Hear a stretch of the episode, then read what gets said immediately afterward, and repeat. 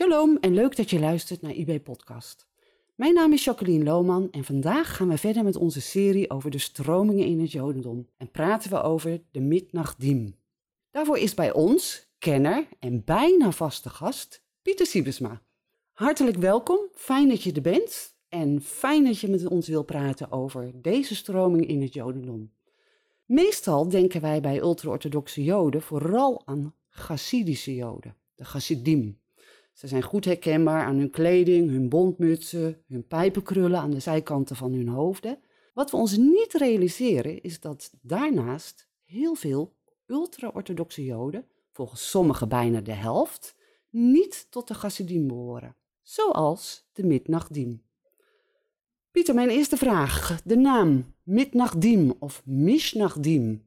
Waar komt deze naam vandaan? Ja, Mitnachdim of Misnachdim, afhankelijk van welke uitspraak van het Hebreeuws je gebruikt, is een Hebreeuws woord voor tegenstanders.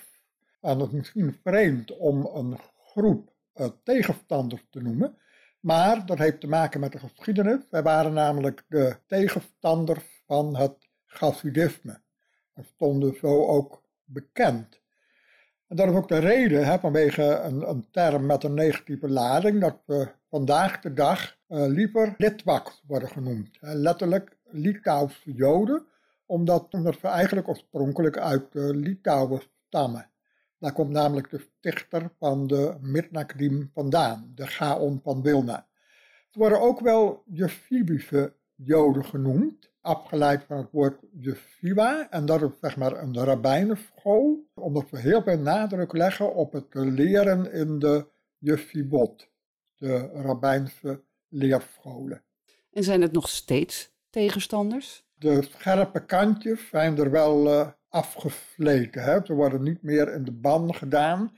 Zoals, uh, tenminste de Gaffedien worden door hen niet meer in de ban gedaan. Zoals het in de 18e en 19e eeuw uh, wel het geval was. Uh, vandaag de dag heeft men redelijk goed contact met elkaar. En dat valt natuurlijk wel te begrijpen, want ze vormen samen een minderheid in een heel geseculariseerde wereld. Tegen de niet-religieuze wereld ja, tegen de, bedoel je daarmee? niet-religieuze Joden, maar ook de niet-religieuze niet-Joden. Zou zeggen, samen zijn ze sterker tegen de seculiere meerderheid. Ze zijn dus uh, wat je noemt ultra-orthodox, maar hoe zijn ze te herkennen? Nou, niet eens zozeer aan hun kleding. Je weet dat Hasidische Joden, die dragen bontmutsen, vaak van die uh, lange zwarte kaftans, uh, mantels. die hebben van die pijpenkrullen, de peyot. Zij zijn minder goed te herkennen aan hun kledij. Maar je zou eerder, als je ze ziet, zou je eerder denken van dat van orthodoxe joden. Zwarte pakken, witte overhemden en natuurlijk ook een, uh, een, altijd een keppeltje op. Maar niet die uh, jassen en bontmutsen van de uh, joden. Waarin ze overeenkomen is dat ze het principe navolgen van de uh, Gatam Sofer. En dat was een hele belangrijke rabbijn in de 19e eeuw. En die leerde dat iedere verandering is verboden. En dat geldt ook voor de Hasidische Joden. En dat betekent dat we nooit een spijkerbroek zullen aan hebben, want een spijkerbroek is uh, na de 19e eeuw. dus dat we vaak ook geen televisie hebben een heleboel uh, moderne dingen gewoon ook uh, afwijken. Ook alweer niet heel erg consequent, want de computers hebben ze natuurlijk wel. Maar ja, je kunt vandaag de dag niet meer zonder een computer. Maar verder leven ze nog als hun voorouders in de 19e eeuw. Maar waarin zijn ze dan wel anders dan de Chassidische Joden? Ze wijzen de Chassidische nadruk op beleving, op mystiek wijzen ze af. Een kenmerk van het Hasidisme is dat die de Kabbalah ook toegankelijk hebben gemaakt voor gewone Joodse mensen. E-, even kort, Pieter, Kabbalah? Kabbalah, dat is, kun je zeggen, de, de geheime Joodse uh, mystieke leer, waar men dan, uh, zeg maar, probeert God te begrijpen door middel van de kabbalistische geschriften Is, is dat iets bovennatuurlijks? Nee, het, het, uh, je kunt, het, het, oorspronkelijk kun je zeggen, de Kabbalah komt voort uit het idee dat gewone Joden die ja, leven de Bijbel zoals het er staat, maar eigenlijk is dat geen goede weergave. Er is een kleine elite groep van mensen die de Bijbel, maar ook de wereld om hen heen, op een andere manier bekijken. En je moet eigenlijk als het ware ingewijd zijn om dat te kunnen begrijpen. Beleving is, natuurlijk anders, verwijzen ook dus op dat punt dat Gavidisme af. Waar we heel sterk de nadruk op leggen, is op onderwijs. Het onderwijs van de Mifna en de Talmud. Eigenlijk wijzen ze uh, onderwijs af. Vandaar dat we ook heel uh, bekend staan als de Yeshiva-Joden, de Joden die de hele dag in de Yeshiva te studeren. Maar misschien kan ik het beter even zeggen over hoe ze zijn ontstaan. In de 18e eeuw was uh, Wilna, nu uh, Vilnius geheten, wat nu de hoofdstad van Litouwen was, was een van de belangrijkste Joodse centra in Oost-Europa. Ze werd wel het Jeruzalem van Litouwen genoemd. En dat kwam vooral door een van de beroemdste geestelijke leiders uit de 18e eeuw. Dat was eh, Eliyahu ben Salomon Salman. En die bekend is geworden onder de naam de Gaon, de geestelijke leider van Wilna. Ja, van hem is bekend dat hij al op zesjarige leeftijd voor het eerst in een synagoge heeft gepreekt en alle moeilijke vragen die de rabbijnen hem daarover stelden probleemloos kon beantwoorden. En de eerste 40 jaar van zijn leven heeft hij continu gestudeerd. Letterlijk dag en nacht. Hij heeft geen maar twee uur slaap per nacht nodig te hebben. Het verhaal gaat dat hij in een uh, onverwarmde kamer de Talmud bestudeerde en met zijn blote voeten in een bak met koud water vat, zodat hij uh, niet in slaap kon vallen. Nou, dat heeft hij 40 jaar volgehouden. Uh, grappig is dat nog steeds kenmerkend voor deze beweging wel is dat sommige studenten ja, gewend zijn om een nacht over te slaan, om gewoon een nacht door te studeren. In de yeshiva? Ja, in de yeshiva.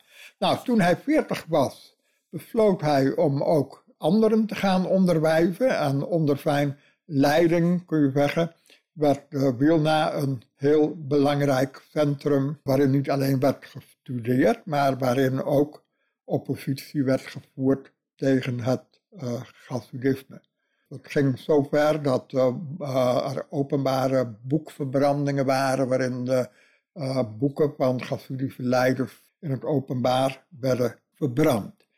En de voornaamste reden was toch wel dat wij Gassidim die studeren niet hebben alleen maar aandacht voor mystiek.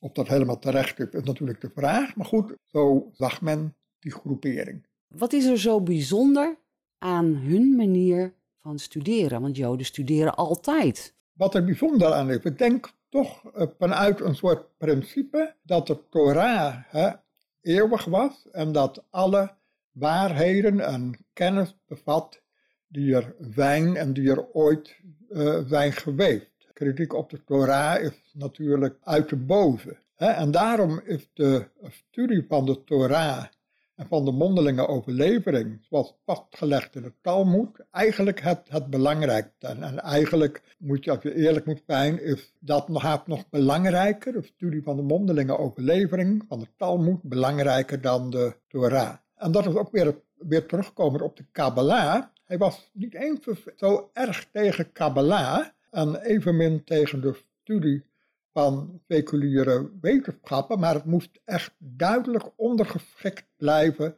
aan de studie van de Torah en de Talmud. De Kaon van Wilna was een bekend uh, kabbalist. Hij bestudeerde wel op de Kabbalah, maar hij vond dat uh, gewone Joden beter de Talmud konden bestuderen. En dan zie je weer het verschil met de Gafdim, waarbij de Gafferdien zeggen van ja, ook, ook gewone Joden mogen de Kabbalah bestuderen. En ook in zijn wijze van studeren was hij op een bepaalde manier zou je haast kunnen zeggen progressief. Bijvoorbeeld dat ook meisjes mochten studeren. je hebt ook, er zijn ook meisjes, uh, juffibot, maar daar ligt de kennis veel meer, er ligt de studie veel meer op praktische onderwerpen. Bijvoorbeeld het boek Spreuken wordt bestudeerd op uh, zeg maar, scholen voor meisjes. En, en bij, de, bij de is dat sowieso niet? Kijk, wat je wel vandaag de dag ziet, dat er een bepaalde beïnvloeding zit, dus, dus ook uh, onder invloed daarvan, hè, je ziet dat die groeperingen ook meer naar elkaar aan het toegroeien zijn. Vroeger bij de Chassidim, ja, dan was het de moeder, die geeft dan onderwijs aan de dochters en die leert hen dan hoe ze een koosjere huishouding kunnen voeren. En pas later zie je ook vandaag de dag dat ook Gassidische meisjes onderwijs krijgen. Dus daar zit wel een eh, zekere ja, en ja, ontwikkeling daar, daar in. een zekere, ja. zekere ontwikkeling in. Maar uiteindelijk is, is, is dus de oprichter, de stichter, overleden. Ja. En toen, hoe ging het verder? Hoe heeft het zich nou, ontwikkeld? Ja, uh, hij had een uh, leerling, dat is uh, Chaim van, Rabbi Chaim van Vollesien, 18e en 19e eeuw. En die stichtte de eerste yeshiva, waar de onderwijsmethoden van de Gaon van Wilna in de praktijk werden gebracht. En hij voerde ook weer een nieuwe ontwikkeling in, namelijk dat studenten er intern gingen wonen. En dat is weer praktisch, want alle tijd die je kwijt bent met reizen, kun je gebruiken om te studeren. En, en dan praten wij over knulletjes, jongens van uh, welke leeftijd? Van, uh, van 13 en uh, ouder. als je je bar mitzwa had gedaan, dan komt de regel dat je eigenlijk daar blijft wonen, totdat je ouders een uh, bruid voor je hebben gezocht en gevonden. En is dat vandaag nog zo? Ja, dat is kenmerkend voor de hele ultra-orthodoxie. Uh, dat huwelijken worden gearrangeerd hè, door de ouders of door de uh, rebbe, of de rabbijn. En, en dat doen ze ook om zeg maar binnen de community een bruid te vinden en te blijven? Dat heeft ook te maken met de grote scheiding tussen uh, mannen en vrouwen. Als jongens iets van meisjes afweten, dan is het omdat zij zusjes hebben en hun moeder kennen. Verder is contact met meisjes buiten huis is niet geoorloofd. Meestal wordt een huwelijk gearrangeerd en dat betekent dus dat je één uh, of twee keer of misschien maximaal drie keer een gesprek hebt met een meisje of een uh, jonge vrouw. En als beide het zien zitten, nou dan trouwen ze. Maar in feite zijn het vreemden voor elkaar. Ja, het zijn vreemden voor elkaar. Ik moet zeggen, in India, dit is typisch ook iets voor Azië. Wij vinden een gearrangeerd huwelijk vreemd. Maar in India zijn er heel veel christenen die ook op deze manier trouwen. En dat geldt voor moslims. En dat geldt voor hindoes. En dat geldt voor boeddhisten. Kun je nu zo'n uh, yeshiva een beetje vergelijken met de bijbelschool, zoals wij dat hier kennen? Nou ja, dan wel een bijbelschool waar alleen maar jongens of een bijbelschool waar alleen maar meisjes op zitten. Maar die hebben we maar, gewoon niet. Maar die heb je niet. Dat het anders is, laat het dagprogramma wel zien. Van zondag tot en met donderdag, nou laat ik voor maar een voorbeeld noemen, studeert men afgezien van een half uur ontbijt om, laten we zeggen, om negen uur en de lunch om half twee en het avondeten om zeven uur en dan nog de vaste gebedstijden van zeven uur ochtends tot avond laat. En soms gaat men ook nog wel een nacht door, hè? bijvoorbeeld op eh, donderdagavond. Vanwege de sabbat is er uh, alleen op vrijdagochtend, hè? want middags moet je op de sabbat voorbereiden. Maar vaak op uh, sabbat wordt ook een deel van de dag voor studie gebruikt. Een ander verschil met een bijbelschool is dat in het uh, Jiddisch wordt lesgegeven. Studenten worden dan geacht dus ook uh, Jiddisch te kennen. Maar goed, dat kennen ze van huis uit, van deze groepen spreken ook uh, Jiddisch. Ja, dus, dus in, feite is het zo, ze leven binnen een hele gesloten gemeenschap. Ja. Blijven ook binnen zo'n gemeenschap. Vullen hun dagen met studeren in Torah en Talmud. Van s ochtends vroeg tot s avonds laat. Tussendoor eventueel trouwen ze. Ja, en als ze trouwen, dan kunnen ze nog blijven studeren. Maar dan is het meer dat we dan vanuit een huis naar een yeshiva gaan. Nou, dan heb ik gewoon wel een hele Hollandse vraag nu. Waar leven ze van? Goeie Waar vraag. wordt dat erop betaald? Nou, heel vaak worden ze gesponsord door eh, ouders, schoonouders, familie. Als ze een baan zoeken, dan is dat toch vaak in de religieuze sfeer. Dus ze werken wel dan. Soms moet het ook wel. En heel vaak is het ook vrouwen die een baan hebben. En, en dat heeft ook te maken met het ideaalbeeld.